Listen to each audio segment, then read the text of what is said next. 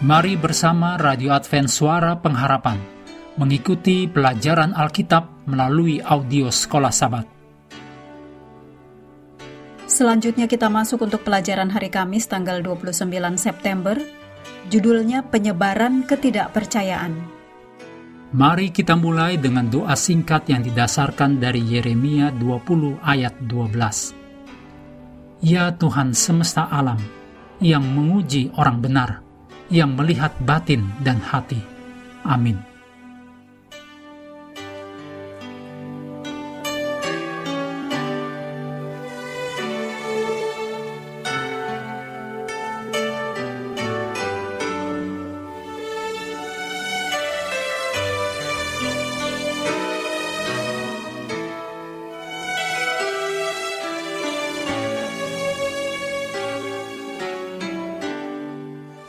Dalam Wahyu 12 yang perikopnya adalah perempuan dan naga, pasal ini juga mengajarkan tentang penyebaran pemberontakan di surga ke bumi.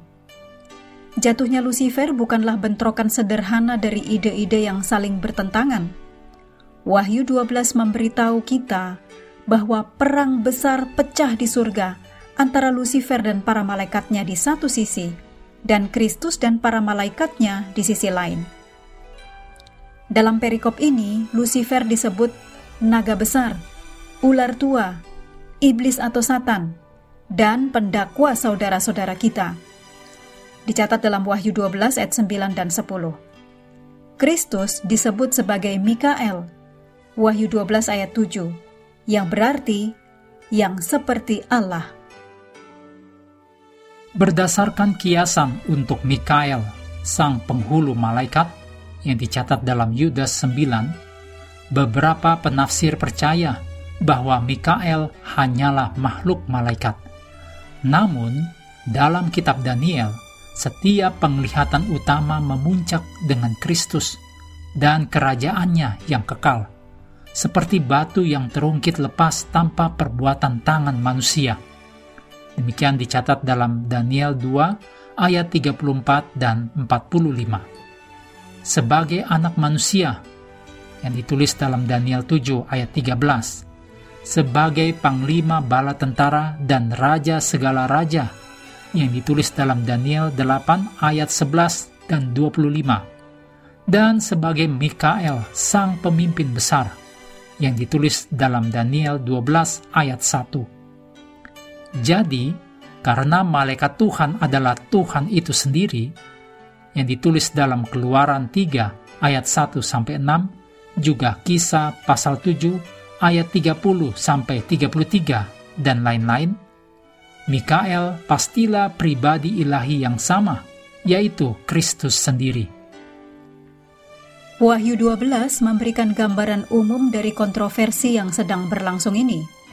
Yang pertama, dimulai di surga dengan pemberontakan Lucifer dan sepertiga dari malaikat surgawi.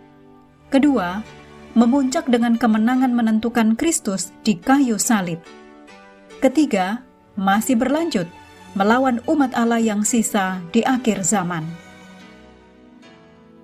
Berkaca pada awal kontroversi ini, Ellen G. White menjelaskan bahwa Allah dalam kemurahannya yang besar bersabar terhadap Lucifer ia tidak segera diturunkan dari kedudukannya yang tinggi itu pada waktu pertama sekali.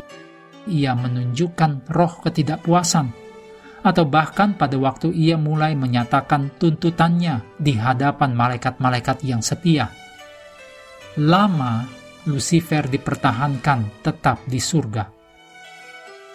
Berkali-kali ia diampuni dengan syarat pertobatan dan penyerahan serta tunduk kepada Allah Demikian kutipan dari buku Alfa dan Omega, jilid 8, halaman 519.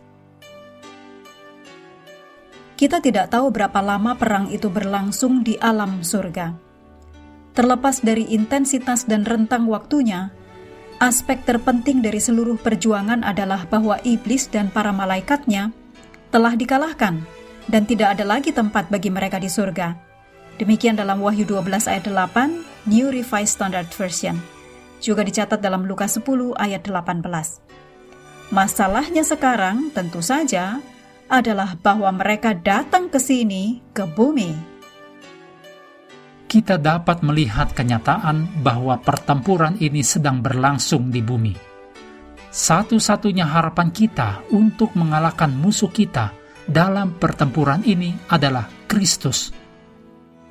Mengakhiri pelajaran hari ini, mari kembali kepada ayat hafalan kita, Yesaya 14 ayat 12. Wah, engkau sudah jatuh dari langit, hai bintang timur, putra fajar.